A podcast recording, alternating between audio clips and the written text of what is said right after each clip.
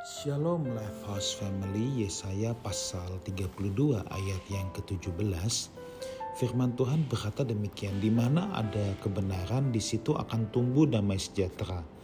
Dan akibat kebenaran ialah ketenangan dan ketentraman untuk selama-lamanya. Saudaraku kalau sampai di rumah tangga kita ya kita merasa tidak ada damai sejahtera yang ada huru hara, yang ada percekcokan, yang ada perkelahian terus-menerus ya. Maka salah satu yang perlu kita cek adalah apakah ada kebenaran di dalam rumah tangga kita ya. Apakah ada kebenaran di situ? Sebab salah satu sifat kebenaran adalah akan menumbuhkan damai sejahtera ya jadi kalau ada kebenaran tidak mungkin yang ada adalah kekacauan, tetapi buah daripada kebenaran adalah damai sejahtera. Ya. Dan setelah itu setelah tumbuh damai sejahtera, maka yang ada again bukan kekasaran, bukan kekerasan, tetapi ketenangan dan ketentraman. Sekarang persoalannya adalah bagaimana di rumah tangga kita supaya ada kebenaran, saudara.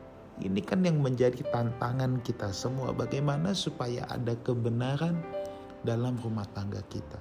Tidak ada jalan lain, kita tidak bisa mengharapkan anak-anak kita dulu untuk berubah, pasangan hidup kita dulu untuk berubah. Tetapi mari saudaraku ya, kebenaran dimulai dari diri kita sendiri. Diri kita sendiri yang belajar, diri kita sendiri yang berusaha, diri kita sendiri yang berkomitmen, aku mau hidup dalam kebenaran. Sebab saudara, kebenaran itu bisa menular. Ya. Kebenaran itu bisa menular dan ketidakbenaran pun bisa menular. Ya, jadi yang pertama kita harus mulai dari diri kita sendiri. Yang kedua, kita harus menciptakan uh, situasi, kita harus menciptakan atmosfer di mana kebenaran itu tumbuh. Contoh, kita ada mesbah keluarga.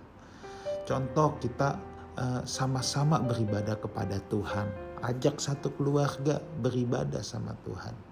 Nah, hal-hal kecil itu bisa menimbulkan atau menumbuhkan atmosfer kebenaran di dalam rumah tangga kita itu sangat-sangat bisa menumbuhkan atmosfer kebenaran di dalam rumah tangga kita. Sebab pernikahan yang berbahagia adalah pernikahan yang direncanakan. Pernikahan itu kan tidak autopilot, saudara. Ya. Makanya kalau mau ada damai sejahtera, ketenangan, ketentraman, ya kita harus merencanakan supaya kebenaran itu ada dalam rumah tangga kita. Seperti yang tadi saya katakan ya, yuk kita rencanakan mulai dari hal yang sederhana. Kita sendiri hidup dalam kebenaran. Kita ajak pasangan hidup kita, keluarga kita, anak-anak kita untuk berdoa bersama. Kita ajak mereka untuk beribadah bersama-sama satu keluarga, saudara ya.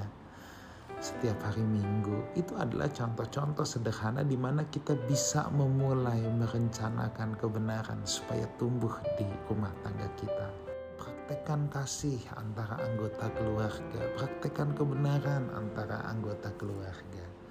Doa saya, saudara, kita semua akan memiliki ketenangan, ketenteraman, dan ada damai sejahtera yang melimpah-limpah dalam rumah tangga setiap kita. Tuhan Yesus menyertai kita semua. Amin.